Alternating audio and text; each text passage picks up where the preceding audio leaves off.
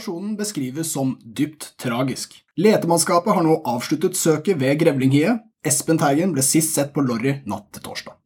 Og nå skal vi vel ha podkast om rus, tenker jeg. Velkommen. Yes, velkommen. Jeg er Per Ståle Horning. Først ute 2019. Yes, jeg er Buffert Fusk. Velkommen til sesong seks, kjære lytter. Herregud, nå er vi gamle. Som vanlig så bruker vi litt for mange måneder på å kicke i gang nyåret. Men så er det òg det at nå er vi jo uthvilte og friske. Du vet, Sånne rusnerder de trenger jo gjerne litt mer hviletid enn resten av befolkningen. Så ja, at man signer off rundt juletider og starter opp eh, medio mars, det syns jeg er helt innenfor. Absolutt. Restitusjon er viktig. Befolkningen flest driver ikke så mye med det. Vi vet verdien. Vi tar litt for mye. Ja, og, men til gjengjeld heidundrende nyttårsfeste. ikke sant? Og det er det vi er tilbake fra, nemlig etter en pause full av bare drit, vinter, gjeld, lidelse og de andre innslagene som preger vår mørkeste tid. Så velkommen til Aktuelt-episoden. Mm. Første punkt på planen er Jeg har skriblet her Julius Julius går bananas. Vi skal snakke om mange spennende ting i dag, men hvordan skal vi ikke ta Julius først? Ja. Altså, Nå er jo narkonyhetene nådd Kristiansand dyreparks største kjendis. Ja, eh, og vi var jo litt sein på avtrekkeren her, men eh, vi føler jo at denne saken har ikke fått den oppfølgingen den fortjener fra norske medier. Nei, altså nå kommer jo Vy, navneskiftet til NSB, inn og bare sopa opp all oppmerksomheten til Julius. Mm. Vet hva som skjedde. Hvordan går det med Julius? Nei, det er bare forsvant. Ja, Og for de som ikke har fått dette med seg, og kanskje burde få det med seg, men jeg regner med at de som hører på denne podkasten her, eh, mest sannsynlig har lollet seg eh, gjennom en god uke. Det er litt sykt om de ikke har hørt om det. Ja. Ja, men det er jo det at uh, apekatten Julius som sitter i toppen av et tre Eller det har han har egentlig ikke gjort det siden 1981. Litt overvektig, den sjimpansen der. Men han har jo da gått på en smell. Ja. Møtt uh, veggen, holdt på å si. Han vel mer møtt Hva er det? Møtt treet når han svingte seg fra en liane. Møtt lianen rett i fleisen. ja, rett i treveggen. Nei, Det er noen som har hivd en flaske med narkotika ned i apegropen i Kristiansand dyrepark. Og Julius, som det var eh, bemerket i NRK-artikkelen, er den eneste av apekattene som kan skru opp skrukorket. Og han deler ikke. Nei, og han deler ikke, så han løper jo først fram og hyler i seg en halvliter med noe. Ja. Og seinere da går inn i en slags psykose og blir lagt inn på St. Olavs hospital. Og det er jeg, jeg bare vil at lytteren skal sette litt pris på hvor mange altså Hvis man prøver å være litt kreativ og skrive ting som er litt morsomt, så må bare lytteren, hvis lytteren ikke er en kreativ person, bare se for seg floraen av oppbygninger av vitser og ablegøye man kan bygge på Julius tar narkotika, havner på St. Olavs hospital. Og ikke bare det. Grunnen til at han blir forgiftet med narkotika, er en direkte konsekvens av at han har blitt behandlet som et menneske. Og Yes. vært rikskjendis siden 70-tallet. Altså, Det fins jo ikke en ape i verden som har spist så mye bursdagskake og fått så mange flasker med Solo foran lystige mediefolk Han kan og Rikskringkastingen. Ja, Han han hadde ikke blitt forgiftet hvis han ikke hadde blitt eh, buret inne i et bur og blitt en medieyngling før, før han var pottetrent. Og han ble pottetrent av en ape som er pottetrent. Jeg må understreke at vi ikke vet akkurat hvor mye han drakk fra denne flasken, men det var en halvlitersflaske. Og, eh, altså, vi, vi sitter og ler, og det tror jeg veldig mange har gjort av denne saken her òg, men det er viktig å få med, som vi også vil merke i vår omtale av den, at dette er en sak som er veldig morsom tidlig. Og så blir den mindre morsom etter hvert. Mm. Og så blir han litt morsom igjen. Og så, Og dette gjelder hver gang du tar den opp. Tar den med vennene dine. Det er veldig gøy! Og så egentlig er det ganske tragisk. Det er sykt at du gjorde det og sånn. litt sånn som narkotikaforbruk. For Litt som alt som har med narko å gjøre, kanskje.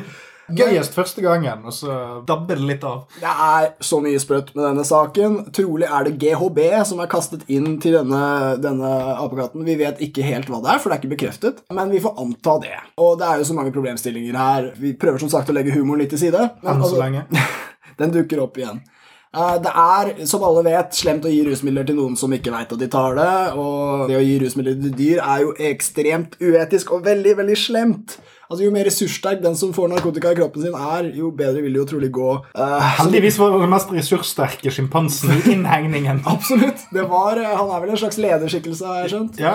Eh, Men, men han har jo ikke noe ruserfaring heller. da. Altså, det, det ville jo kanskje hjulpet som en ressurs. Hvis du skal gi rusmidler til en person som ikke vet det, som aldri må gjøre, ikke gjør det, så ville det vært på et eller annet vis bedre å gi det til en person som hadde litt erfaring. Hvis en person har prøvd 100 rusmidler, hvis det finnes så mange, så, så ville vedkommende kanskje ikke blitt så stressa som en som aldri har prøvd det. Og jo mer ressurser da den vedkommende har, jo bedre vil det kanskje kunne gå. Derfor gir du ikke narkotika til fucking dyr, vet du. Dumme person fra Sørlandet. Og så, er, det, er det noen sånne ting som skurrer litt. Ok, du har La oss anta at det er GHB på flaske, som du har tatt med deg til Dyreparken av uante grunner. Så det, det, det er sånn GHB er ikke det rusmiddelet jeg assosierer mest med folk som tar seg en tur i Dyreparken. Nei, det er et obskurt rusmiddel. Ja, altså, er det. Altså, Psykedelika er litt mer sånn Nå går vi og ser på apekattene, og så Ja. kan vi lære litt om oss sjøl og våre, våre wow. DNA-fettere. Wow, det er oss, mann. Ja, wow. det Noe sånt. ja, hvis, hadde, hvis vi hadde barbert den, så hadde det vært lurt.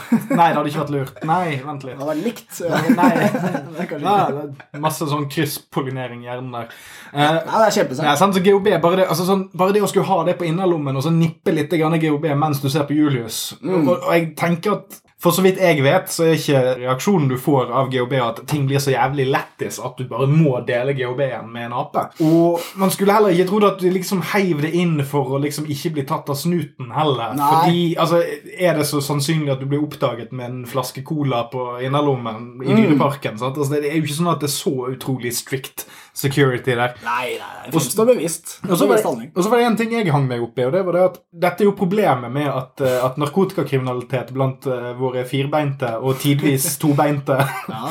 eh, slektninger eh, ikke blir tatt nok på alvor i Norge. Eh, og det er jo det at eh, tidsperspektivet, altså sånn timelinen for krimmen her, er jo Mm. ganske slett, i hvert fall den måten de har delt det med publikum på. Ja. Fordi at de har jo da sagt at han drakk av denne flasken, og så står det da på NRK-saken, tror jeg, at seinere på kvelden Mm. ble Julius psykotisk og begynte å bite seg sjøl og var en fare for eh, seg sjøl og omgivelsene.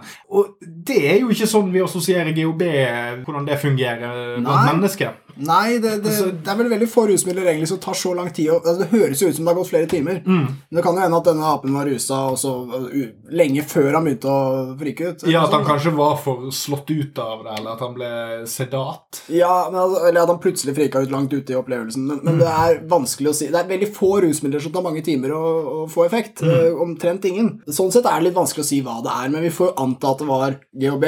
Dette var en blank væske på en halvlitersflaske som, som han drakk hele av. Eh, utrolig nok drakk han hele.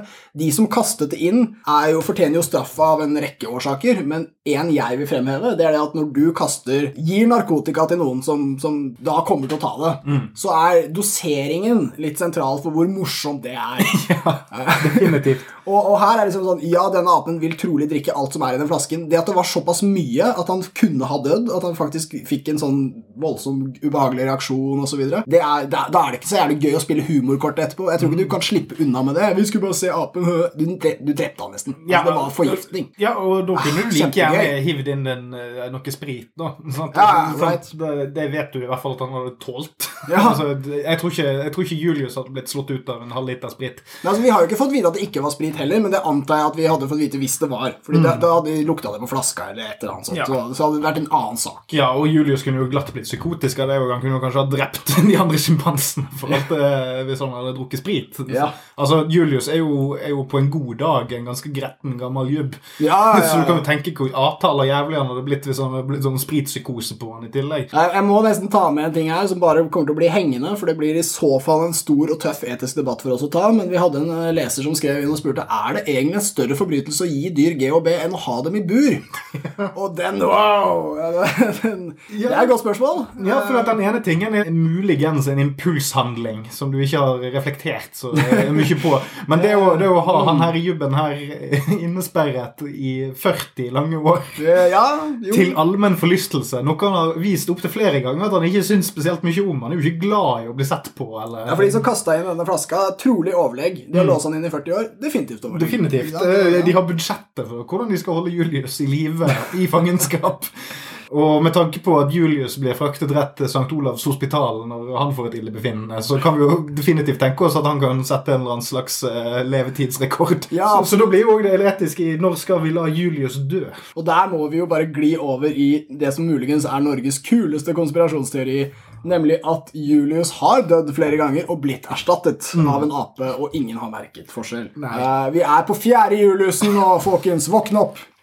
Eh, dette er en fantastisk morsom Den fins visstnok der ute. Det fins noen som tror på, på dette her, og til deres forsvar så ville trolig Dyrehagen sluppet unna med det. Jeg hadde ikke sett forskjell, Men det å tro at man kunne gjort en sånn konspirasjon uten å, at noen tipser media, Mm. det blir veldig rart. Men, men, jeg, men jeg kjenner at jeg har mye mer eh, respekt for Julius konspirasjonstenkerne, forutsatt at det, det de dedikerer livet sitt til, er om Julius er OG Julius eller Julius den fjerde. Ja, ja, ja, det er viktig. Hvis, hvis det er din greie, og det ikke involverer noe annet crazy shit, så har jeg mye mer respekt for deg enn jeg har for uh, de som tror at jorden er flat, eller at Paul McCartney ble drept i en bilulykke og sto bak 9-11, den typen ting. Sant? Altså, det er sånn, Ja, det dette er en sjarmerende er konspirasjonsteori. det. det. Det er så, Du skader ikke spesielt mye av omgivelsene dine med det, sånn kontra det å skulle nekte å vaksinere ungene dine. Ja, det er ikke så, et så grusomt verdensbilde som skisseres hvis den stemmer heller. på en måte. Altså, Det er bare at dyrehagen har liksom fuska litt. Det er dyrehagen i Kristiansand som er ondere enn det den gir inntrykk for. Og det er en ting jeg på en måte kan tro litt på, sånn alle dette med å holde Julius i bur til han dør. Ja. Altså, sånn, det er noe mørkt som ligger rett under overflaten i dy dyreparksystemet, som vi Ja. alle kan kjenne litt på. Og denne konspirasjonsteorien her setter litt ord på. Det er en, en sånn fin liten metafor for hvordan Absolutt. For hvis det, det som kommer til å skje, jo, det kommer til å være Julius junior som tar over spotlighten når far dør. Sant? Det vet vi jo innerst inne. Ja, ja, ja. Det er jo selvfølgelig eh, et hierarki. Jeg uh, vil også ta med, for å dra det inn igjen på rus på slutten, så, så trolig er det GHB det er snakk om, som sagt. Og den eh, pasienten i dette tilfellet ble jo da lagt inn i kunstig koma. Og jeg, jeg, jeg reager, tenkte litt på det. Altså, det tyder jo på at han har fått i seg veldig mye. Kunstig koma er jo en flott måte å ha veldig oversikt på hvordan kroppen eh, oppfører seg. Men eh, det man har advart mot GHB tidligere, det er det at eh, det fins ingen motgift mot det. Og dette er helt sant. Altså, når man da kommer inn på sykehuset og ikke og har for mye GHB i kroppen, så kan ikke sykehuset gjøre så veldig mye med det. Det som er viktig å få med her, er at det gjelder også for alkohol. Det fins ingen motgift mot alkohol. Det er langt vanligere å få inn på sykehus. Før så pumpet man magen til de som fikk for mye alkohol, og derfor lurte jeg på om denne apekatten også kunne blitt pumpet. Så viste det seg at nei, det er ikke en praksis som er så veldig utbredt lenger. Nå har de, nå, nå- de gjør noe, at de velger observasjon, og så putter man dem i respirator hvis pasienten er så, såpass dårlig eller eskalerer eh, i tilstand. Og det som har skjedd her, er at de putta Julius i kunstig koma, og det var fordi at han blant annet beit seg sjæl. Når det gjøres, så er observasjonsfasen over. Eh, denne pasienten trenger hjelp. Ja, og en sjimpanse har jo våpen i kjeften, så det Så det er ikke tvil om at uh, dette var helt jævlig for uh, apekatten, og at det var en altfor høy dose, og de som gjorde det, var helt komplette idioter. Jeg, jeg klarer ikke å tro på at de gjorde det for å drepe Julius. Da er dette en dårlig gift de har gitt han. Det har vært lett å drepe en ape med noe annet, liksom. Kan jeg bare avslutte dette segmentet med å lansere eh, min hovedmistenkte? Ja, ja, ja. Altså, det er jo det er jo én person som både har anledning og motiv til å gjøre dette her. Og vi vet jo at eh, sant, altså Julius har jo alltid knivet med kaptein Sabeltann om spotlighten. Så jeg vil gjerne vite om Terje Formoe hadde et alibi denne dagen her. Hvem eh, ønsket seg oppmerksomheten Ja. som Julius stjal? Ja, og vi vet jo at Julius har hatt en kniv i siden til eh, Terje Formoe i flere tiår. Og- Jeg har hørt at eh, kaptein Sabeltann er en farlig mann. Ja, det har jeg òg hørt. Det sa han sjøl. Ja, og han sabeltann, sant, hvor Altså, hva er det annet som har spisse hjørnetenner? Sjimpanse. Ah, prime suspect. Ja, nei, det er bare plass til én hoggtann-dude i denne parken, kompis. Nå er han pensjonert, eh, så vidt jeg har skjønt. Har masse tid til å plotte ut schemes. Ja, det er jo det. Hvis du ser på sånn her Murder She Wrote og Miss Marple, og sånn, så er det jo alltid en eller annen sånn gammel jubb som har mye tid til å tenke. Bruke. Nye pensjonister. Ja. De er veldig skyldige. Så ja, eh, vi ønsker Julius alt vel, og håper og tror han er tilbake i toppform snart. Mm. Så får vi gå videre til vår neste sak, som ikke har å gjøre med noen andre dyrearter enn menneske. Det har en planteart med, da. Ja. Og så kan jo lytteren gjette hvilken plante. Vi skal snakke om oljefondet. Vi skal Ja. snakke om eh, Invest, økonomi, Dagens Næringsliv, uh, podkasten. Boring. Jeg veit. Altså, det som skjedde, var at i forrige uke så fant jeg ut noe jeg har lurt på lenge, nemlig om oljefondet har investert i cannabis eller Ja. ikke. Det var et tips vi fikk for lenge siden, og cannabisaksjer har vært attraktive i to år, noe sånt. Eh, Veldig populære. Det hadde på en måte vært rart om de ikke hadde investert i, i det, på noe vis. Eh, og det, det fant vi jo da ut at de hadde flere selskaper. Eh, Det morsomste navnet av selskapene er Scott's Miracle Grow. Så, som vi har, vi har putta penger i. Jeg håper det er en sånn feit stoner i Colorado som bare har fått 120 millioner kroner fra norske Scott er en chill type. Altså.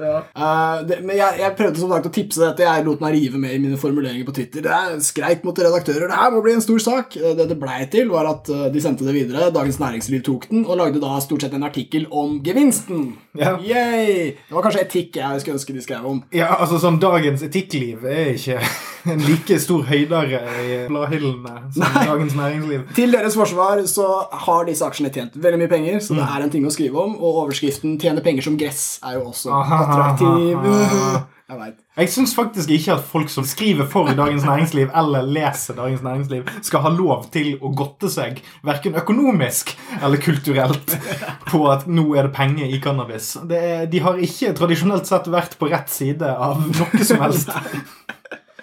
Så sant. Og Og jeg tror, jeg, jeg tror det sinnet mitt der kanskje kommer til å speiles litt gjennom resten av vinklingen vår på denne saken. her, Fordi det er noe provoserende med at nå sitter det en gjeng med slipsfolk og godter seg over at nå er det et helt nytt marked her. Ja, Som om at man ikke har ropt og hoiet om det i mange år. Og nå, nå tar jeg meg sjøl i en liten sånn inkonsekventhet, eller å være litt inkonsekvent.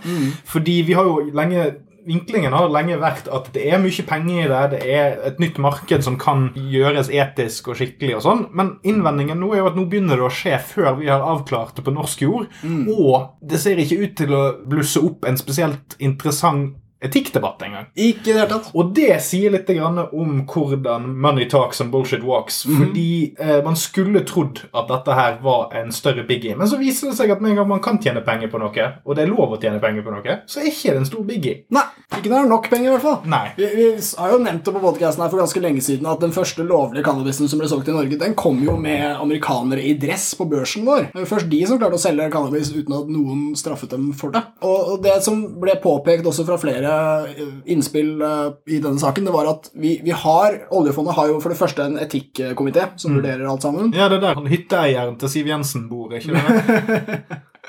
Jo, det, den er vurdert. Ja. Det er masse, masse to tobakksarving, han, ikke han det? Jo, Andresen. Ja, solgt seg ut, men, tror jeg. Men, Ja, ja, han, han gjør noe annet Men, med, eh, med de penga. Bygd på kols og jernlunge, den formuen. Det var der penga kom fra. Uh, men ja, uh, det det er masse ting som oljefondet har investert i som er etiske gråsoner. Vi kan si markeder som er i gråsonen, som f.eks. gambling eller våpen. Norge har jo sin egen lille våpenproduksjon og sånt noe. Men det vi har er, altså, det er mange ting oljefondet investerer i som ikke er lov i Norge. Eh, men det vi ofte har, er en slags lov i Norge. Eh, våpen er en slags lov i Norge. Du kunne også sagt om gambling. Selv om vi har monopol med Norsk Tipping, og sånn, så er det visse former for gambling som i hvert fall da er lov. ikke sant? Men cannabis er totalforbudt. Eh, så vi må nesten gå litt innom det der. For å ta et tredje eksempel, så hadde det faktisk vært mindre etisk vanskelig for dette fondet å investere i prostitusjon, altså en form for bordeller i et land det er lovlig, som Australia eller Tyskland. Fordi det er også noe som er delvis legalt i Norge. Eh, for det er nemlig lov å selge sex, ikke lov å kjøpe sex. Så cannabis i forhold til alle disse andre, både gambling, våpen og prostitusjon eller hva du vil ta, cannabis er det mest illegale av disse. Så vi har rett og slett oljefondet investerer i et enormt marked som allerede finnes innenriks i Norge, og bekjempes her med maksimalt av både ressurser og strafferammer. Og det er helt unikt. Det, det er veldig viktig å få med her at vi, og da sier jeg staten som vi, bruker enormt med penger på å bekjempe de som dyrker cannabis i Norge, og det finnes det mange av, og det er et kjempemarked, samtidig som vi putter penger i nøyaktig samme aktivitet på andre siden. Det betyr at vi som staten putter penger mot vår egen strategi. Vi putter penger på begge sidene av en strategi, og dette kan eventuelt gå i null. Vi kan tape hele det overskuddet som Dagens Næringsliv peker på, fordi vi bruker dem på å slåss mot akkurat det vi tjente penger på. Ja, og akkurat nå så har vi en rusreform, eh, et rusreformutvalg som jobber, som skal lansere funnene sine over nyttår igjen, ikke det? Eller Jo. til slutten av året. Og vi ligger jo an til en oppmykning, og kanskje over tid òg en uh, avkriminalisering og legalisering. Men dette er flere prosesser som vi er midt oppi, og man merker fremdeles på debatten at det er nok motstand igjen til at jeg tror ikke at man kunne lansert legal weed sånn helt ustraffet. Nei. Eh, verken fra denne komiteen eller den neste. Nei, det er langt dit. Men det man på en måte ser nå, er en litt sånn stygg ekko, et, et litt sånn stygt ekko fra hvordan andre land har operert litt i dette. Og, og sånn. For at Norge har lenge vært ganske konsekvente, i det minste, når det gjelder narkotikalovgivningen. Og, og det er jo gjerne en sånn økonomisk regel. Det de rike har lyst til å tjene penger på, det er lovlig. Det de fattige har lyst til å tjene penger på, det er ulovlig. Mm. Og så forholder ting seg sånn. Ja, klasseperspektiv, ass. Ja, i dette tilfellet her så har jo ikke Dette er jo en ganske ny utvikling. Sant? Så det er ikke sånn at det er eh, 100 år med hasjinvestering eh, blant eh, norske rikinger. Så det er ikke så problematisk. Men det jeg syns er jævlig nasty, er det at før den norske befolkningen får lov til å bruke og kjøpe og omsette lovlig, som vi mener de burde kunne gjøre, så skal eh, aksjespekulanter, og da inkludert oljefondet, altså fellesskapet, begynne å tjene penger på de som allerede har fått lov til å begynne. Så, så på den ene siden sier staten at nei, nå skal vi, nå, dette er en gyllen investeringsmulighet, et åpent marked og sånn, så vi må jo selvfølgelig inn der. Så det er greit. altså Det signalet der, at det er greit så lenge vi tjener penger på det. Ja. Men det er ikke så viktig at vi får avklart ting redelig og fort her hjemme først. Og det er ikke nødvendigvis en direkte dissonans her, for det er ikke de samme folkene som bestemmer alle tingene, men det, er, det gir en vond bismak i munnen at det foregår. på en måte. Det, det, Absolutt. altså. Og, og det er også viktig altså Her har da Norge investert altså Norge som stat er ivrig etter å tjene penger på noe som de undertrykker sine egne borgere for. Og Kommer det over et visst nivå, alle har på seg dress og alt er lovlig nok, så er penger det viktigste. Men det er viktig å få med her også at USA er landet der disse selskapene kommer fra. Man ville kanskje tenkt Canada der er ikke det lovlig på føderalt nivå. Nope, ikke sant? Så de gjør det samme. Altså, Vi ville kanskje tenkt at dette var kanadiske siden de eh, legaliserte i høst. Så De har ikke rukket å vokse seg store nok, de selskapene. De fleste i Canada er også de amerikanske, for de vokste, vokste såpass eh, fort. Så her har liksom eh, Den amerikanske staten er jo egentlig de som er kongene av logikken. Alt er ulovlig, men det er greit hvis du betaler skatt og tjener penger og lager arbeidsplasser. Og sånne ting. Og her gjør da Norge det USA gjør, eh, som er litt galt. Litt hyklersk, litt dobbeltmoralsk, whatever. Da er det også litt sånn påfallende interessant at Norge egentlig aldri har hatt noen spesielt sterk mening om cannabis før vi ble med på narkokrigen som USA starta. Altså USA fikk Norge til å forby cannabis. Så begynte USA å selge cannabis, og så begynte Norge å kjøpe cannabis av USA men, mens vi fortsatte å straffe våre egne borgere. Og jeg må bare understreke at vi bruker så mye penger på dette i Norge. Nå er det minst 50% av alle straffesaker i norsk rett har med narkotika å gjøre som sentralt punkt. Og cannabis er det største bruksmiljøet, det er det største markedet. Jeg har nevnt før Johs Andenes, nestor i norsk juss. Han sa at uh, narkotikaforbudet har vært århundrets største feilinvestering i straff. Da snakket han indirekte om cannabis. Det er den største investeringen. Uh, vi bruker som sagt utrolig mye penger på noe vi får veldig lite igjen for. Og Her har da staten derfor satt penger mot seg selv, mot sin egen strategi. Uh, og hvis du skal være en god investor, så ville jeg sagt ikke sett penger på én strategi og den motsatte. Da vil du ikke tjene nok penger. Det vil ikke lønne seg på sikt. Men er ikke, det, det, er ikke det det som egentlig er strategien til veldig mange sånne klassiske eh, gamle skurker? Playing both sides? Ja, ja, men at du har en, har en hest i hvert løp, holdt jeg på å si. Jo, jo, ja, jo. Også, men jeg tenker jo altså bare også, Nå er det bare min over, overaktive hjerne som tenker litt sånn fremover. Hvis vi hadde fått legalisering, og spesielt siden altså, hvis oljefondet Jeg vet ikke hvor mye de er inne i Nammo og sånt. Nei, det vet jeg ikke, men jeg antar de har investeringer. Ja, for det, det, det er jo en veldig fin sånn krysspollinering vi kunne hatt mellom Nammo og et lovlig cannabismarked i Norge, f.eks. Altså, Nammo kunne jo solgt sånn edibles med sånn, du vet, sånn gullbjørne. Ja. Hun solgte gullkule. gullkule. Nammo. Mm. altså Nammo, Nammo. Haribo, cannabis. Det er en uh, miks, uh, miksmarked, altså. Blåser deg vekk på den gode måten.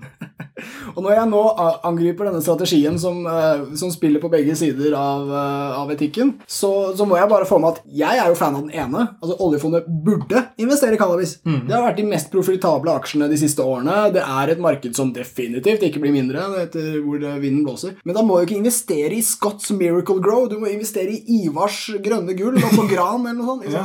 Beskytt norske arbeidsplasser, for faen! Og ja, ikke sant? Og jeg skjønner at det er mer spenn i Scott enn i Geir, eller hva jeg sa.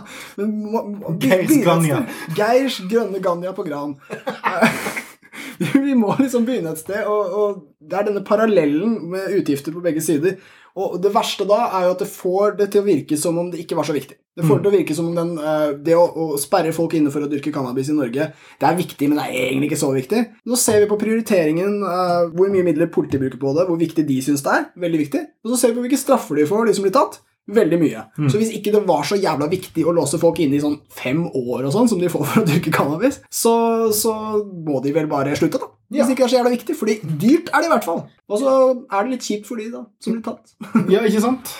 Men vinden blåser veldig pent over narkokloden vår.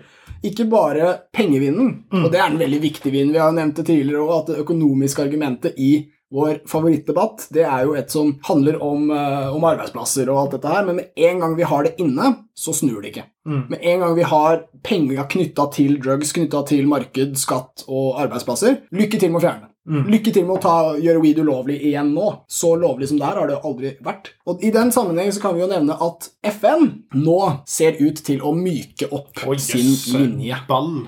FN har, som lyttere sikkert vet, et, eh, et påbud for medlemsstater om at de skal dele FNs linje på narkotika, som stort sett handler om at forbudspolitikk er den førende linja. Det fins variasjoner for landene, men de skal være med på ambisjonene og så videre, strategien. Um, og, Litt, litt sånn som Barnekonvensjonen. ja, absolutt. Altså, Vi har akseptert Barnekonvensjonen, og det antar jeg at f.eks. Saudi-Arabia har gjort. Eller andre, veldig mange andre land vi ikke liker å sammenligne oss med, har akkurat samme barnekonvensjon, men de har implementert det på vidt forskjellige måter. Ja, jeg tror også det er tilfellet. Og vi har jo f.eks. Uruguay og sånn. De Mm. brøt jo denne her da de begynte å legalisere cannabis. Det samme gjorde Canada. De måtte liksom ha et møte med FN og si nå bryter vi. Og det, dere får gjøre hva dere vil. Men litt kontekst til dette med FN. Litt for å si det om Norge eh, sin posisjon. Altså I september i fjor så avslo Norge å delta på møte om narkotikapolitikk under FNs generalforsamling. Grunnen var at det var USA som var arrangøren, og de insisterte på at alle land som skulle være med på møtet, måtte skrive under på deres slutterklæring om narkotikapolitikk. Se episode eh, med tittel som jeg ikke husker i farten. Ja, dette var i hvert fall i september i fjor, så check it out. Eh, det dokumentet, sluttdokumentet vi måtte underskrive, det ville ikke vært forenlig med regjeringens politikk, sa vår utenriksminister Søreide da. Og det som var kult med den uttalelsen, som var eh, positiv, og litt sånn overraskende positiv for oss, det var at altså, Søreide sa eh, vår vurdering er at de har for lite fokus på bl.a. helsesiden av narkotikapolitikken. Og nå skjer da dette. FNs toppledergruppe, som heter UNCEB, bestående av ledere fra FNs 31 byråer, inkludert UNODC Altså er så jævlig mye eh, bokstaver. Altså. Nå enstemmig oppfordrer medlemslandene til å avkriminalisere befatning med ulovlige rusmidler til personlig bruk. Å, yes. Yes. Dette er FNs 31 byråer. Dette er Narkotikabyrået, det er Verdens helseorganisasjon og 29 til. Oi, oi. Så det her er et skikkelig Et helt norsk alfabet til. Yes. Et skudd for baugen for disse argumentene om uh, tradisjon. Altså, det er en grunn til at det er forbudt, har folk sagt til oss. Nå kan vi si det er en grunn til at det ikke lenger er forbudt snart. Eh, dette er en, en stor toneforandring. FN er et organ som beveger seg uhyre sakte. Saktere enn alle andre lands politikk, men nå er de faktisk En institusjon som er så stor at den blir eh, meningsløs fordi at den ikke utfører eh, det den skal gjøre i tide, men som òg da får en autoritet som da blir veldig vektig når de først faktisk Ja. en avgjørelse. Yes, indeed. Det er så tungrodd. Altså, de, når de publiserer en mening de har, så kommer den først ut til første gjeng som får lese den, og så går det videre til neste publisering. Så ca. et år etterpå så får media tilgang til det de allerede har publisert et år før. Så det er, eh, det er, seige saker. Men uh, det som er aktuelt med dette her i vår aktuelt episode, det er at neste uke så trer FNs narkotikakonvensjon, som heter CND, uh, sammen til sin 60... Jeg klarer ikke å si det. 62. Der har vi det. Sesjon. 62. 62. sesjon uh, i, i Wien. 62! Sexish indeed. I Wien, og det er sånn de sier det der, eh, der vil da Norge være med, og kanskje vil Norge faktisk være blant de progressive. Det er jo spennende for oss. Og pussig. det er Jeg kjempepussig. Nyttårsforsettet mitt er forresten å bruke ordet pussig oftere i, i samtale. I samtale. Det er også gøy å få med her at vi, vi i Norge vi føler oss jo ganske frempå med denne rusreformen, som vi fortsatt ikke helt vet hva vil bli til. Men når vi går opp i FN, sånn som nevnt i forrige sak her, så, så tyder det på at vi, vi, vi har noe å komme. Vi er litt breiale, vi er litt sånn frempå her i Norge. Det er flere år siden vi hadde internasjonale overskrifter om at progressive Norge skal bytte ruspolitikk. Sånne ting. Men vi har jo ikke gjort noe ennå. Det tar sin tid, dette mm. utvalget, og de forståelig nok. Men da er det litt gøy at FN tar oss igjennom. Eh, for de er treigere, så da var ikke vi så jævla tidlig ute likevel, kanskje. Nei, for at det, jeg, jeg merker Dette er jo egentlig enorme nyheter. Fordi at det, Det det. virker som en, en litt kul sånn vridning av hvordan FN tolker sin egen menneskerettighetskonvensjon. og litt Mm. sånt. Eh, uten at jeg har gått så veldig eh, dypt ned i materien utover noen overskrifter her nå. Mm. Men det andre er jo òg det at vi burde virkelig ikke finne oss i eh, den dagen når vi har et legalt marked i Norge, og høre på noen av de som skryter på seg at vi var først ute med noe som helst. Vi er jo ikke det. Men vi, vi, vi ligger sånn passe greit på bakerste del av flodbølgen. Ja, ja. Nå. Og så, så posisjonert som vi Ja. er bakerst der. Det går sånn når du har en hest i hver bølge. Staute Norge.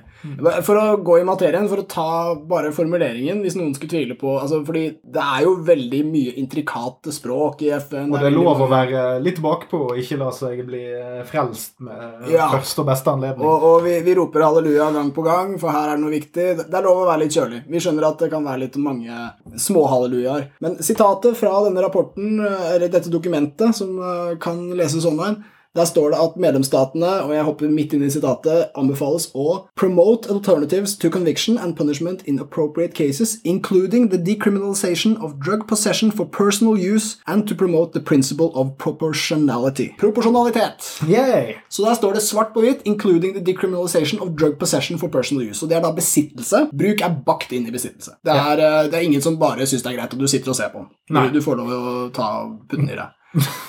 Faktisk. Det, det henger med. Kan, eh, dette er en påminnelse til meg sjøl å bare ta den setningen der og eh, repetere den 14 ganger på loop. Putt den i deg. Ja. Ja, det vet du hva. Altså, hvis alle bare oppbevarer uh, og bare har dem, og ikke gjør noe med det, så er det underlig samfunn. Just look at it! Det er lov, men hvis du rører den. Så nei, dette, er, eh, dette markerer trolig et linjeskifte i FN. Det sender et veldig viktig signal i en tid der det finnes land som har veldig lyst til å videreføre krigen mot narkotika. Filippinene har jo vist verden hvordan det kan gjøres med massedrap som virkemiddel. Eh, andre land også er, eh, er ivrige. Indonesia, Sri Lanka, de snuser på det samme. Og jeg sitter og stusser på om ikke vår gode Altså slektningen til Julius, som sitter i det ovale kontoret borte i Washington DC eh, Om ikke kan, Kanskje han har uforvarende sett kanskje dyttet denne prosessen i positiv retning. Ja. Bare med å være sitt sedvanlige rasshøl Ja, for. Og for en shitty ass businessmann og investor. Altså, jeg, han var ikke så veldig gira på weed i valgkampanjen sin, for der var han litt for opptatt av å gjøre verdens verste ting hele tiden. Men han er en businessmann som liksom snakker bare om arbeidsplasser, og så vokser weed komplett bare under hans presidentskap. Yeah. Og så er, er han ikke i stand til å booste det i noen form for Altså, Han skal fortsatt ha kull, han. Er, hva skjer med arbeidsplassene? Nei, altså, dette Det, det er ikke viktig for basen til han har ikke engang sagt det er greit, og så vokser denne jævla industrien frem under nesa på denne utrolige ja, art of the deal. elitenes eh, penger. vet du. du ikke, penger vokser ikke på, av gress. Nei, men kull skal han snakke om hele tida, liksom. Ja, men jeg, jeg hadde et litt videre, poeng, videre poeng der. Fordi greit, Angående denne konferansen som Søreide takket nei til, så var jo dette under amerikansk regi. sant? Ja. Det er en forlengelse av den amerikanske offisielle linjen. Og det var det sjøl under Obama, at det var uavklart på føderalt nivå. Ja. Men endringen som har skjedd, bare ut ifra det jeg har sånn, plukket opp med å lese overskrifter, og en del sånne ting, er at republikanerne og Trump driver og har en ganske sånn pushback mot dette markedet i USA nå, som òg går litt i tråd med, med det jeg nevnte i sted, med at altså, dette, dette er ikke en del av basen deres, dette er en ting som det er veldig lett å fyre opp Ja, velgerbasen om.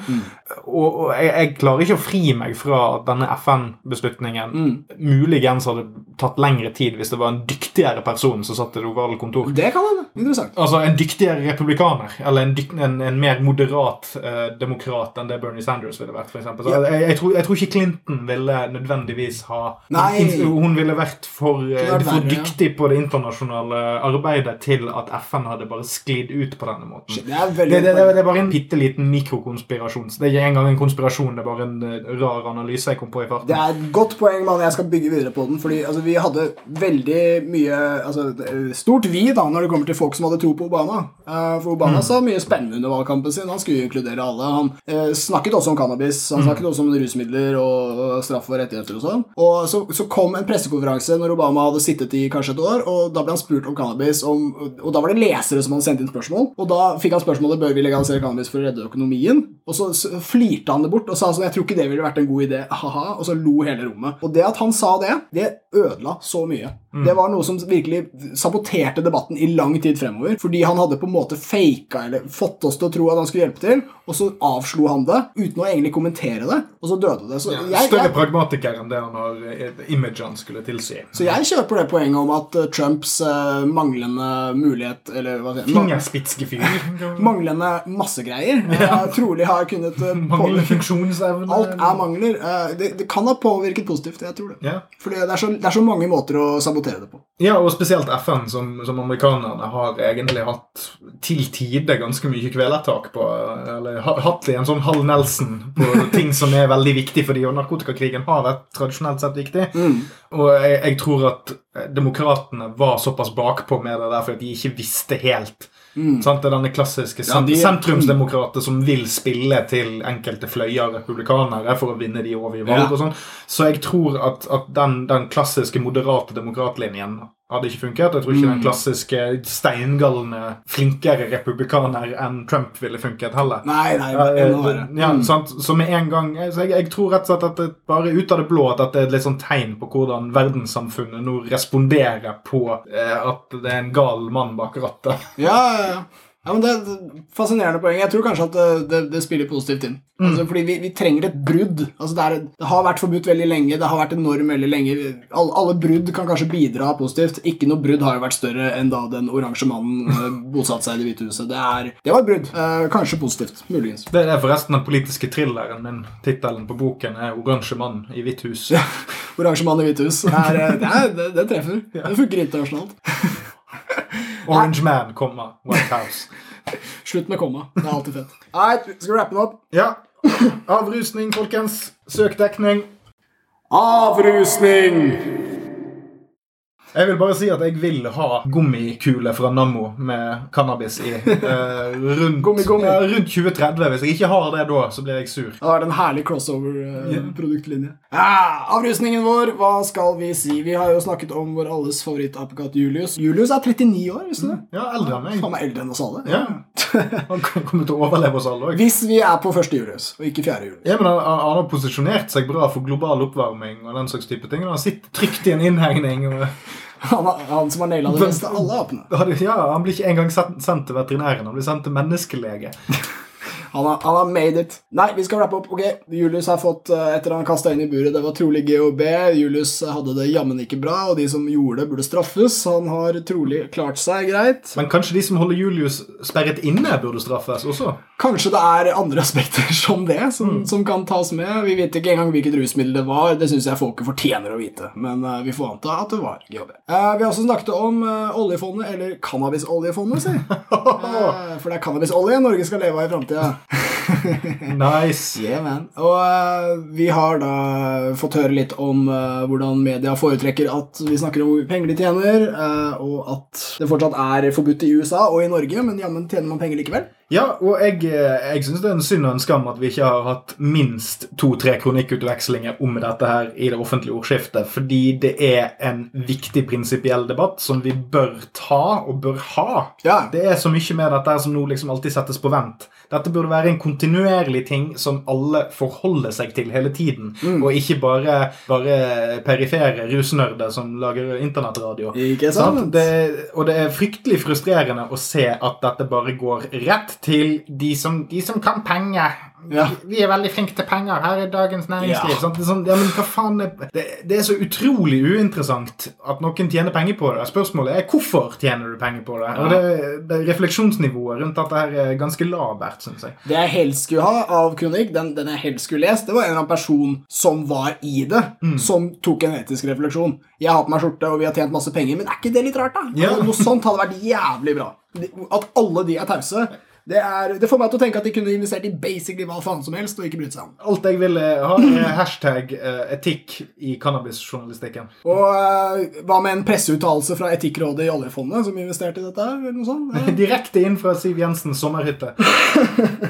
Og så glir vi sakte over til at FN muligens nå skal droppe sin narkokrig. I hvert fall myke linjen opp betraktelig. Et samlet eh, FN-råd, altså toppledergruppen, og det er ikke småtteri, de er da enstemmig i sin oppfordring til medlemslandene om å avkriminalisere befatning med ulovlige rusmidler. Yay! Og da sier de ikke cannabis, de sier alle sammen. Så når det da er en uh, narkotikakommisjon møtes i Wien til uken, så uh, gleder vi oss veldig til det. Det kan ende der denne uken, jeg er litt usikker. Nei, men det finner vi fort ut av. Følg med på neste måneds Aktuelt-episode. Ta det opp.